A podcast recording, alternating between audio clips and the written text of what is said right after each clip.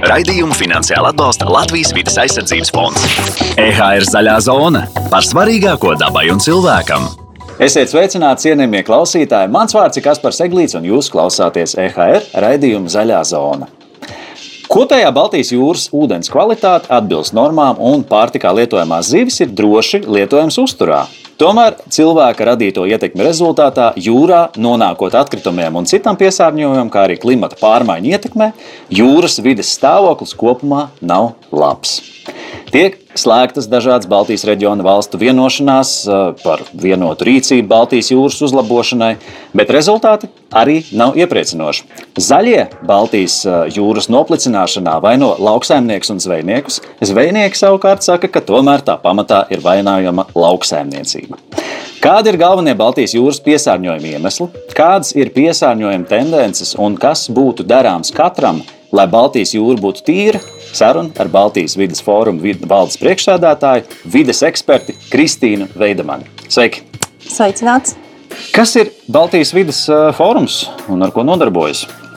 Baltijas vidas fórums ir nevalstiska organizācija. Tas nozīmē, mēs uh, esam biedrība pēc Latvijas uh, juridiskā statusa, darbojamies Latvijā, bet mums ir arī biroji Igaunijā, Lietuvā un pat Hamburgā. Savā būtībā mēs esam organizācija, kas ir pārstāvēta vairākās Baltijas jūras reģiona valstīs. Un tas arī tas kopīgais, kas mūs vieno, tas ir stiprināt vidas aizsardzību Baltijas jūras reģionā, bet mēs šo stiprināšanu saprotam caur izglītojošām aktivitātēm un caur sadarbību, sadarbību starp valsts sektoru un nevalstisko sektoru, ar uzņēmējiem, ar tiem pašiem minētajiem lauksaimniekiem, ar citām nevalstiskām organizācijām, kā arī skaidrot iedzīvotājiem, ko mēs varam darīt labāk, lai mūsu vide apkārt arī būtu labāka. Un cik sen jūs jau pastāvat? Mūsu organizācija, kā nevalstiska organizācija, dibināta 2003. gadā, tā kā ir jau tāds labs vecums, teiktu, vecums jūsu auditorijas, kā saka, vidējā vecuma grupā varētu pat būt. Pašā sākumā pieminējām Baltijas jūru. Nu, skaidrs, ka kopumā ar Baltijas jūru pēc būtības mums ir paveicies ļoti. Teiksim, ja mēs salīdzinām ar to pašu pieminēto Lietuvu, tā krasta līnija mums ir daudzkārt garāka, varam izvēlēties līci, atklāto jūru. Ja dzīvojam Rīgā, tad 20 minūtes, un mēs principā esam pie jūras. Bet Baltijas jūra, kāda tā ir šobrīd, kādas ir problēmas un, un, un kas ir tas, ko mēs iespējams, varbūt esot pludmalē ar aci neredzam?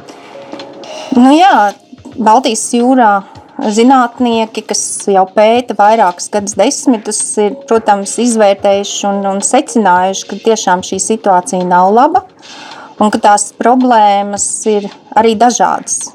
Ir viena, kas ir saistīta ar piesārņojumu, ko rada biogēno vielu pienes. Tas varbūt izklausās ļoti nopietni, bet tās ir papildus barības vielas kā fosfors, slāpeklis, kuru nu, nevajadzētu novadīt mums Baltijas jūrā. Otra lieta ir saistīta ar pat bīstamām toksiskām vielām, kas nonāk Baltijas jūrā. Tas ir gan no rūpnieciskās ražošanas, gan arī no ikdienā, ko mēs lietojam, no auga aizsardzības līdzekļi, pesticīdi vai ķimikālijas, medikamenti. Tas tas otrs bloks, par ko rūpējās un ir norūpējušies gan zinātnieki, gan arī, protams, politiķi un sabiedrība. Trešais ir par bioloģisko daudzveidību. Tas ir roņi, zivis, putni, arī uh, sīkie organismi, kas dzīvo uzgrunts, gruntī, uh, Tas ir vēl viens tāds bloks, par ko ir norūpējušies. Nu, tas, protams, tiek saistīts ar šīm daudzveidīgajām aktivitātēm, kas ir apkārt Baltijas jūrai. Kā šķiet, cik miljoni dzīvo apkārt Baltijas jūrai? Desmit. Jā, pareizi. 85 miljoni. 85. Tātad Tas... mēs, Latvija, tikai 2 miljoni aptuveni, bet būtībā to visu slodzi un piesārņojumu rada 85 miljoni cilvēku. Tas ir nopietns sloks, par ko Balt... nu, jo visas upes tek uz jūru. Tātad piesārņojums, kāds viņš arī būtu, viņš gal galā nonāk beigās jūrā. Bet tur ir arī kaut kāds vēsturiskais mantojums palicis tajā Jā. visā. Es pieļauju, ka varbūt visādi padomu gadi un, un, un kara laika visādas lietas. Ir palikuši. arī kara laika, protams, mantojums, ķīmiskais piesārņojums. Bet nu, um, lielākais piesārņojums tika darīts tajā sākotnējā industrializācijas laikā, intensīvai no 50. līdz 80. gadiem, kad īsta vidas aizsardzība kā tēma nepastāvēja. Un tad, kad mēs paši zinām, kad 80. gados sākās pirmās kustības, nevalstiskās organizācijas, kas uh, pievērsa uzmanību upju piesārņojumam, tas arī attiecīgi, bija zīmes jūrmalā, ka nedrīkst peldēt. Tad arī sāka tikai domāt par tiem cēloņiem, kas tad ir noticis, kāpēc jūra ir piesārņota. Bet caurmērā tā tendence ir palikt labāk, jeb, jeb tomēr mēs Mm. virzamies vēl aizvien ne tajā virzienā. Piesārņojums samazinās. Zinātnieki aprēķina un vērtē, ka tā, tas piesārņojums, ko mēs tonnās izgāžam caur notekūdeņa attīrīšanas iekārtām vai kas noplūst neizmantotas mēslojuma veidā no lauksaimniecības zemēm, tas samazinās. Tātad tā slodze samazinās, pateicoties tiem dažādiem pasākumiem, kas tiek veikts, nu, piemēram, nu, attīrīt notekūdeņu. Kādreiz varbūt kanalizācijas gāja pa tiešo uz upes vai uz jūru. Es saprotu, ka vēl salīdzinoši nesen. Jā, vēl salīdzinoši nesen. Bet, un, vai arī, piemēram, jā, nu vēl daudz un dažādi pasākumi jā, ir tomēr veikti pēdējos desmit gadus. Bet tas organisms, mūsu Baltijas jūras ekosistēma, bijusi tik piesārņota, ka tas prasa atkal desmit gadus, lai varētu atgriezties kaut kādā labākā stāvoklī. Un tāpēc tas, tas novērtējums, tas stāvoklis tiek uzskatīts, ka nav labs. Kaut gan nu, tā virzība ir pozitīva, jā, piesārņojums samazinās. Tas var, mēs nedaudz varam pasist uz pleca, bet, bet ir daudz vēl kas darāms. Tāds termins kā Baltijas jūras aizaugšana. Kas tas ir? Nu, es teiktu, tāds vēl, ja patīk tā ar svešvārdiem mētāties, ir tāds termins eitrofikācija. Mm. Tas ir tā aizaugšana. Tas ir, ka mēs šīs te eh, par daudz piebarojam ūdeņus ar saucamām biogēnām vielām, jeb barības vielām, kas ir fosfors slāpeklis, un kas stimulē augt. Augt eh, visiem organismiem, eh, ūdeņos, upēs un jūrā, un augot intensīvāk, vieni aug, citi atmirst, šis process tiek, kā saka, pātrināts, un ūdens objekts, jeb jūra vai upe aizaug. Tā ir tas aizaugšanas process. Kas, protams, aizaugšanas procesā tiek dots slāpeklis un fosfors, bet ir vajadzīgs arī skābeklis. Un tiek patērēts tik daudz skābeklis, ka beigās citiem nepietiek šis skābeklis. Un kam nepietiek, tās ir bieži vien zivis. Mm -hmm. Tāpēc ir tā rūpe par zivīm, ka mums samazinās skābeklis, ir ceļš dziļākajos slāņos, un attiecīgi tās sugas, kas dzīvo dziļākos ūdeņu slāņos, cieši no slābekļa pada. Bet fiziski tas ir kaut kā ar acis saskatāms. Tiešām tā, ka, pieņemsim, nu, ja dīķis ir aizaudzis, mēs Jā. Redzam, kā tas izskatās. Vai Jā. jūras kontekstā tas tieši tas pats? Jā, principā ir tā zaļā biomasa, zaļās aļģes. Pirmais arī mēs pat, kad nonākam krast, jūras krastā, vasaras periodā, it sevišķi uz vasaras otro pusi, jau redzam šo te zaļo aļģu masu. Tās nav tās brūnās aļģes vai, vai sārta aļģes, kas ir vēl arī Baltijas jūrā, bet tiešām pieaug šī zaļo aļģu masa. Un tā ir tā, kas norāda, ka mēs esam pārbarojuši šo jūru ar, ar slāpekli un ar fosforu. Bet, teiksim, es, es pieļauju, ka vairāk mūsu klausītāji ir nu, nu jau laikos atpakaļ devušies dažādos ceļojumos, kur mēs nonākam pie citām jūrām, nu, piemēram, piemēram vidusjūra tādu vai, vai, vai, vai, vai sarkanā jūra vai vēl kaut kur. Un, un tur tas ūdens kaut kā tiešām šķiet daudz tāds dziļāks un caurredzamāks, un, un arī tur, teiksim, nirējiem ir skaistāk. Nu, tu tiešām ar aci fiziski var redzēt, uh, ar, ar ko mēs atšķiramies, kāpēc tur neaizaug teiksim, un, un, un šeit aizaug. Vai tur tas nav tik ļoti pamanāms, bet šeit, šeit ir sāļums kaut kāds vai, vai kaut Sāļums arī, protams, to ietekmē. Mm -hmm. uh, bet nu, nav tā, ka tā ir tikai unikālā problēma Baltijas jūrai. Līdzīgas problēmas arī ir Ziemeļjūrai, tieši eitrofikācija, kas ir līdzīgos klimata apstākļos. Jā, varētu teikt, labi nav šis ledus segums un bargākas ziemas, kas mums var būt, bet uh, tiešām arī šī te aizaugšanas problēma vai eitrofikācijas problēma ir arī novērojama Ziemeļjūras piekrastē, kad šīs zaļās aļģu masas joslām tiek skalotas laukā. Par vidusjūru nemācīšu teikt, neesmu pētījusi, neiedziļinājusies tā. Es tā salīdzinot. Vēl viena tāda atsevišķa tēma, par ko arī kādā no iepriekšējiem raidījumiem pieskārāmies, ir, uh, ir šī mikroplasmas, kas, es saprotu, ir tie uh, mikrogabaliņi, kas laikam bija mazāk kā 5 mm pareizi. Uh -huh, un, un, un tie savukārt arī ir ļoti daudz uh, Baltijas jūrā. Kā, kā mikroplasmas tur nonāk, un, un, un vai tur arī ir kāda virzība uz labu? Nu, tā ir jauna, aktuāla vidas problēma. Mhm. Tas ir noteikti tāpēc, ka tā no vienas puses, eh, dažas no tām mazām plasmas daļiņām kādreiz bijušas lielas, un procesā jūrā ir nodeldējušās, palikušas sīkākas. Bet otra lieta ir, ka daudzos produktos ir pievienotas šīs sīkās plasmas vai eh, daļiņas, lai radītu kādu efektu kosmētikā. Bija mode ar skrubīšos, kur lika iekšā, piemēram, vai kaut kādos atsevišķos krēmos vai, vai, vai citos produktos, kur arī ir vajadzīgs šis mikroplasmas daļiņas. Mēs pat runājam par tādiem produktiem kā zobu pasta, piemēram. Jā, jā. Nu, lai, lai rastu kaut kādas funkcijas vai kaut ko piešķirt tam produktam, ražotāji ir izmantojuši šos mikroplasmas daļas. Tad būtībā es pieļauju, ka daudz vēl aizvien mūsdienās mazgā zobus ar, ar plastmasu.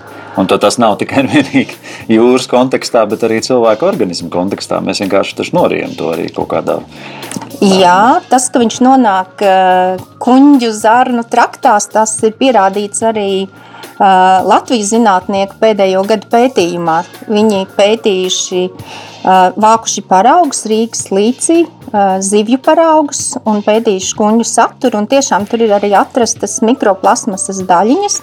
Nemāku pateikt, kādu negatīvu ietekmi atstāja vēl uz organismiem. To pētīs šī projekta ietveros, bet fakts, ka tādas daļiņas ir atrodamas, tas ir jā, par to, vai cilvēks ir pētīts šādā kontekstā, es nemāku teikt. Ne, mēs jau visi esam saistīti ar dabu. Jā, mm. jā. Tās pašas zīves, ja mēs atradam, atrodam kaut vai zivju kuņģos eh, mikroplasmas, mm. nu, mēs jau zīves ēdam, tad jau tomēr kaut kā atgriezieniski tas nonāk mūsos pašos atpakaļ. Nu, nu ne visus orgānus mēs ēdam, paldies Dievam, nu, jā, tādā jā, ziņā. Tā pēc, pēc, pēc principa. Jā, jā. Nē, nu tā tēma ir tiešām aktuāla. Mēs varbūt vairāk pēdējos gados esam dzirdējuši par piekrastes pludmales piesārņojumu, ka redzam, kur un kā mētājās atkritumi. Mums ir kampaņa Mana jūra, kur cilvēki tiek aicināti iesaistīties, palīdzēt sevišķi pēc ziemām, savākt šos jūras izskalotos atkritumus vai mūsu pašu turistus, atpūtniekus atstātos atkritumus. Un par to varbūt ir vairāk cilvēku dzirdējuši, bet tieši par šīm mikroplasmas daļiņām tā ir tāda ne, nu, redz, jauna pētniecības Tā ir tāda joma, lieta, un... ko, ko mēs tiešām varam ieraudzīt. Ja mēs ejam gar jūru, mēs tiešām redzam fiziski tur to pudeli vai kaut kādu, nezinu, kannu, kas ir izskalot no kādas laivas kādreiz. Bet uh, mikroplasmas šķiet kaut kas tāds, ko nevar savākt. Vispār var kaut kādā veidā šo apjomu mazināt, vai tas ir tikai un vienīgi ražotāju pusē? Nu, es domāju, ne tikai ražotāji, bet arī nu, kas tam paliek. Nu, labi, viens ir, kas tādos produktos tiek izmantots, bet otrs eh, tiešām, kad nodeldējās kaut kādas plasmas un paliek ar vien sīkāks un sīkāks un paliek. Vai mēs pazaudējam kaut kādas kravu detaļas, piemēram, kad vada kuģi ir arī uh, sīkā šīs te. Uh, granulas, kā plasmas, pēc tam no plasmas granulām tiek ražot kādi produkti. Mhm. Bet nu, ir arī pludmalē izskalojās, jā, un viņas ir eh, zem pusmilimetra lieluma, varētu jau skaitīt kā, eh, kā šī mikroplasmasa. Um, ir uh, Latvijas jūras ūdeņos, cik man ir zināms, un kā man ir zinātnieki, pētnieki teikuši, ka nu, pamestus tīklus nemana ka būtu zvejnieki pazaudējuši tīklus. Bet šāda problēma ir poļu ūdeņos. Un šie tīkli, tīkli. Jā, tīkli ir no, arī no plasmas savu veidu, un ja viņi tur arī lēnā garā sadalās šīs mikroskopiskās daļiņas, tad tur paliek. Runājot par tīkliem, no, nu, tīkli, zivis, Baltijas jūras zivis un vispār nozvejas kvotas. Kas ir tas, ko mēs pirmkārt varam ēst. Nu, jo es saprotu, ir dzīves, kuras ir vairāk ar dažādiem toksīniem, ir dzīves, kuras ir mazāk. Tad, tad kas būtu tas, ko, ko, ko būtu labi ēst, un ko noteikti varbūt nevajadzētu, vai vismaz vajadzētu izvairīties. Un, un, un cik daudz mēs vispār zvejojam Baltijas jūrā? Nu, ir četras sugas, varbūt varam kopā nosaukt, kuras ir tās komerciālās četras. Nu, droši vien lasis. Ir, bet nu, tā nav ar tādu izteikti. Jā. Tā mums varbūt vairāk garšo. Bet kur ir tā suga, kur ir kvotas? Nu, brētliņš varbūt. Jā, Uh, patīt reņģis droši vien. Jā, breitliņas reņģis. Nu, tā kritiskā uh, suga, kas uz plakātiem ir redzēta un reklāmas mēncas. Mēncas, jā. Un vēl ceturtā, tie, kas ir sevišķi ir liepājas pusē, tajā pusē bieži vasarās, ko tur Butes. Butes. Butes. Jā, tās ir tās četras sugas, kur mums ir arī kvotas, un, un, uh, kuras skaitās komerciālās sugas, kuras nu, ir tādā lielākā apjomā tiek uh, nozvejotas. Un, uh, tad arī, nu, protams, to, vai to sugu stāvoklis ir labs vai slikts, vērtē zinātnieki. Un, uh, pēc savām tām metodēm, un, protams, ka, nu, tas pēdējais vērtējums ir sevišķi, mēncu stāvoklis ir ļoti slikts, kad pat ir tiešām ļoti radikāli samazināts tas pieļaujamais apjoms, kas tiek zvejots mēncām. Bet uh, pašu, pašu zivju stāvoklis, teiksim tā, kā ir ar tām, vai, vai, vai, vai var ēst? Nu, es domāju, ir dažādi Es esmu te- dzirdējis teiksim, Jā, es- ļoti daudz tieši jā. par, par mēncām, par to, ka Baltijas jūras mēncas, uh, nezinu, vai patiesībā vai mīts, īsti nevajadzētu ēst no aknām, vajadzētu izvairīties no to Jā. lasi. Ja viņš tur ir kaut kā komerciāli ķerts, tad jā, bet ja no zvejnieka pirkt, tad varbūt ka labāk nē, jo tad viņš tur nav pārbaudīts. Nu, kā ir ar šo visu? Man negribētu stāstīt to, ko es īsti nezinu. Es ieteiktu nākamreiz varbūt uzaicināt tos speciālistus, kas pēta. Ja mums Latvijā ir šie arī speciālisti, kas zina, Biori institūts, kas ir arī tagad iesaistīts Covid analīzēs, viņi veic arī šādas te analīzes, eh, kas ir zivju sastāvā un, un, un vai ir piesārņotās vielas vai nav piesārņotās vielas. Es, protams, līdzīgi kā jebkurš cilvēks esmu lasījis presē un zinu, ka Jā, kad ir uh, uztraukums par lašiem, ir uztraukums par mēncām, sevišķi aknām, jo tie, tās ir sugas, kas aug ilgākos gadu periodos un arī attiecīgi uzkrāja vairāk visādus piesārņojumus. Bet nu, tā, ka Protams. cilvēkiem vajadzētu baidīties, teiksim, ragaciem, tirdziņā pirkt uh, dzīves Es domāju, tad jau mūsu dienas būtu aizlieguši, ja būtu tāda tik ļoti toksiska un bīstama. Mums ir pārtiks veterinārais dienests. Un tā, tā man negribētos celt tagad kādu paniku, ka neēst, jo būtībā zivis, kā zinām, ir veselīgs produkts. Jā, un arī garšīgs produkts. Jā. Um, vēl viena tāda atsevišķa tēma. Uh, Peldsezonas, nu, teiksim, viens no tādiem lielākajiem biediem - indīgās uh, zilaļģes. Uh -huh. Kas ir ar tām, cik daudz mums viņas ir un, un, un kur parādās, un kur, kur mums vajadzētu izvairīties varbūt, no, no, no šīs te parādības? Nu, tas ir saistīts ar to pirmo tēmu, kāpēc tas ir saka, jāsaprot, ka viss ir Ar savā aizaugšanu droši aiz aizaugšanu. Mm. Tā kā pavisam, pavisam nav skābeklis un konkrēti saules eh, temperatūras, eh, saule ir ilgstoši bijusi un nav vēja un tie apstākļi rodās, tad arī tām zilāļiem ir tāda laba vide, kur to viss, eh, kā saka, tagad parādīties. un es saprotu, ne tikai jūra, protams, kad ir runa arī par ezeriem un, Jā. un, un citām ūdens tilpnēm. Mm. Kā cilvēkiem varbūt atpazīt, uh, ka šeit uh, akurāt nevajadzētu iet peldēties? Es esmu redzējis dažās plud, publiskās pludmalēs, ka tiek izvietot zīme, bet skaidrs, ka pilnīgi absolūti visur zīmes nevar izsekot, un tā jau ir arī tāda mainīga parādība. Kā paši cilvēki var, var, var, var saprast, kur nevajadzētu varbūt iet? Nu, principā var, var viņas manīt. Tās nav parastās aļģes. Viņas tomēr atšķirās pēc tās krāsa toņa. Kā saka, parasti viņas jau pie mums parādās eh, tiešām, kad bija ilgstošs, eh, ļoti silts laiks, bez vēja laiks. Un, Drīzāk vasaras otrā puse, ja, ko mēs Bet redzam. tas ir tas, ko saka ūdens zied. Tā, tā, tā mēs varētu viņus, uh, vai, vai īsti nē. Ūdens zied vairāk ir pavasara pusē. Tā, tā, tas tā ziedēšana, tas ir tas pirmais āļu saka, process, bet nevienmēr tad, eh, āļu ziedēšanas process, bet nevienmēr tad ir tās zilājas. Nu, principā es pārformulēšu, varbūt jautājumu, uh -huh. kā izskatās zilāļģis? Zilas, Nu, Aļģes? ka, zi, drīzāk zaļas. Jā. zaļas. Jā. Bet tur jau parastās aļģes jau arī izskatās zaļas. Tad Nu Kā nesajaukt, es domāju, vai Nu, tās, kas nav parastās, es teiktu. nu, man tā, man, es tev toni tā nenoteikšu, tagad tā, man tā būtu grūti. Tā kā es viņas pēc krāsas atšķiru, tajā, nu, viņas ir nedaudz savādākas zaļas. Bet zilas Nu, vienmēr viņas- sakot, dodoties peldēties, ja mēs redzam, ka baigi daudz kaut kā pastiprinātā zāļas ir, varbūt, ka vajadzētu padomāt, varbūt, ka neiet tajā vietā. Tas, laikam, būtu tāds visprecīzākais. Jā, noteikti. Labi, vērtīgs padoms. Uh, Kādi ir Baltijas vidas fóruma projekti vispār par Baltijas jūru šobrīd un, uh, un bijuši pagātnē? Pašā sākumā jau pieminējām, bet nu, varbūt ka precīzāk.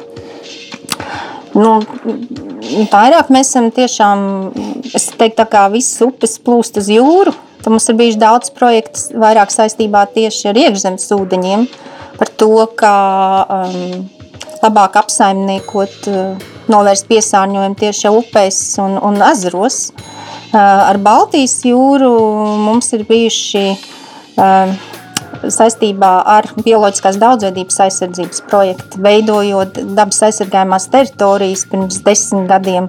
Tad kopā Latvijas zinātniekiem tika pētīts, kuras, kurās vietās ir tās vērtīgākās dzīvotnes, kuras būtu jāaizsargā no kaut kādas eh, tiešas tādas negatīvas ietekmes. Mm -hmm. Arī tās vietas, kur vairāk koncentrējās putni, sadarbībā ar Latvijas ornitoloģijas biedrību. Um, jā, šis te tika apzināts tās vietas, kur būtu nu, īpaši jāpievērš uzmanība un tika izveidotas uh, jūras aizsargājumās teritorijas. Šis te projekts bija nu, 2005.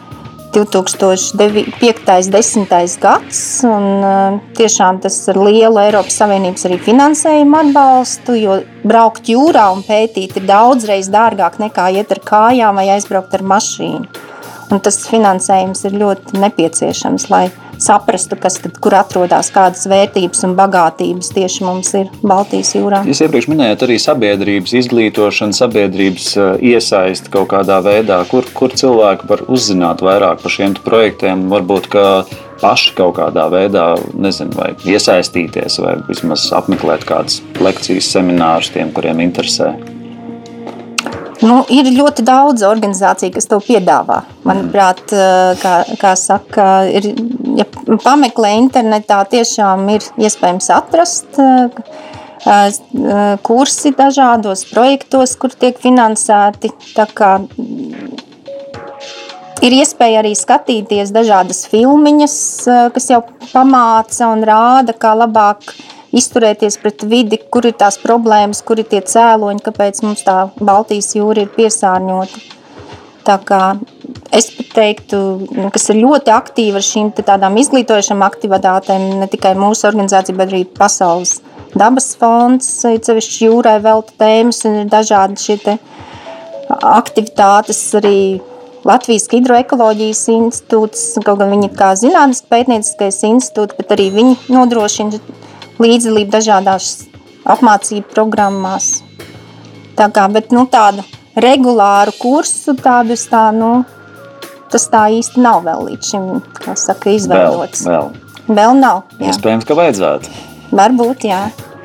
Uh, nu, ja reiz mēs runājam par tādu individuālu līmeni, kas vispār ir tās vienkāršās pamat ikdienas lietas, ko kontekstā ar jūru nu, mēs varam darīt labāk? Kādi būtu ieteikumi vai savā saimniecībās, vai atrodoties pie ūdeņiem? Nu, principā viss uh, ir saistīts nu, ja individuāli, tas to, ko mēs pērkam, mhm. ko mēs patērējam, patērējam, kāds ir mūsu dzīves stils, vai mēs uh, pērkam nedomājot, vai mēs saprātīgi veicam savus iepirkumus, kad tādējādi neradot atkritumus. Jo, ja mēs pērkam par daudz, tas nozīmē, ka kāds arī ekstra vairāk ražo. Ražojot kaut ko vairāk, vienmēr ir kaut kāda ietekme uz vidi. Un it sevišķi tas attiecās uz pārtiks produkciju, kam jau sākumā minējāt, tad lauksaimniecība ir viena no tiem galvenajiem piesārņojošiem avotiem. Tad, ja mēs pārāk izšķērdīgi esam ar pārtiku, tas nozīmē arī atpakaļ, kad nu, kāds ir ražojis vairāk un veltīgi ražojis un piesārņojis veltīgi vidi, un mēs vienalga atkal viņu izmetam laukā. Tā kā es teiktu, pirmais solis ir ļoti prātīgi izrēķināt, ko mums vajag pirkt. Tur- veikalos, lai pēc tam nu, tie termiņi, kā saka, pārtikai bojājās, sevišķi piena produkti vai gaļas produkti. Un kur te vēl bija aptauja, ka uh, nu, cilvēki visvairāk met laukā tieši piena produktus. Bet tieši piena produktu ražošanā ir viena no lielākajām slodzēm, arī piesārņojuša radoša slodze saistībā gan ar slāpekli, gan fosforu. Tā kā, nu, tas ir tā, katram ir jābūt prātīgam. Ir starp citu viens tāds labs aspekts, man liekas, attiecībā uz to pārtikas pārāk lielu pirkšanu. Nevajag iet uz veikalu izsalkušanu. Jo tas ir, man liekas, tik cilvēcīgs faktors, ka mm. es ieeju un es it kā aizēju pēc maizes, bet man gribās ēst, beigās paņem to un šito, mm. un tur vēl kaut ko, un gala beigās mēs nopērkam ļoti daudz lietas, kuras mums patiesībā nemaz nevajag. Nu, Vai, teiksim, tā. to pašu sarakstu mm. veidošanu tieši iepirkšanās kontekstā ļoti mēdz uh, palīdzēt. Jā. Un tad otrs ir, es teiktu, tā, nu, ka veikalā ir diezgan plašs tas klāsts ar dažādiem produktiem. Viena veida produkti, kaut vai 5, 7 piena produktu veidi, un, tad, uh, un šie produkti ir ražoti dažādākā veidā. Viena, kas ir ļoti industriāla, kas uh, nu, rūpnieciski, mega uh, ražotnes, kas nozīmē arī uh, lielāks piesārņojums uz vidi var rasties no tādām ražotnēm. Un tad es teiktu, skatīties ekomarķējumu. Tas ir nu, Eiropā plaši pazīstams bioloģiskās lauksaimniecības marķējums, ekopuķīte uz rūpnieciskiem produktiem vai uz pārtiks produktiem ir tāda ekolapiņa. Un tad nav jādomā. Un šo, lai mēs arī atbalstītu šo bioloģisko lauksaimniecību, kas piesārņo mazāk, attiecīgi ar savu to izvēli, mēs arī atbalstam to, ka tā jūra netiek piesārņota vai upes netiek piesārņotas. Un tie ir produkti, kas ir Latvijā ražoti. Gan piena produkti, gan gaļas produkti, maizes.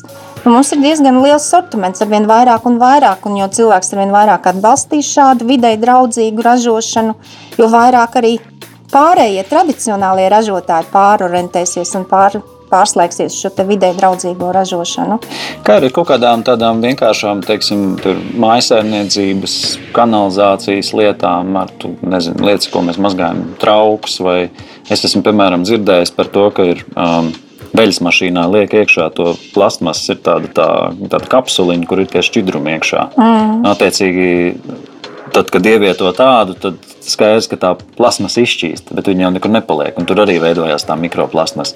Kas ir tas, ko mēs varbūt tādos varbūt ikdienišķos vai trauku vai veļas mazgāšanas paradumos varam darīt labāk? Nu, attiecībā uz kanalizāciju un visu to. Nu, pašreiz es teiktu, ka arī es, es parasti pati izvēlos skatoties tiešām šos produktus, kur ir ekomarķējums, ir šī te kas nozīmē, ka no šie produkti ir testēti un pārbaudīti, ka viņi ne, nenodarītu kaitējumu videi. Un tad nav jālauz galva. Kāds jau to galvu ir izlauzījis, pārbaudījis un, un izvērtējis. Un, un es teiktu, ka tā ir droša pirkšana. Vai ir arī ne tikai ekopurķīti, ir, protams, arī uh, ziemeļgulbis vai, vai citi tie uh, marķējumi. Bet no Eiropā ir divi ļoti atpazīstami šie marķējumi, kurus ir viegli arī pamanīt mūsu plauktos. Un arī mūsu pašu ražotāji, kas ir Latvijā, Uzņēmumi jau arī piedāvā sortimentu, kas ir ar šīm teko puķītēm, ka tas nav, ka mēs tikai atbalstītu tagad Vācijas ražošanas vai kādas citas valstis, jā, tad, nu, es ieteiktu paskatīties vairāk.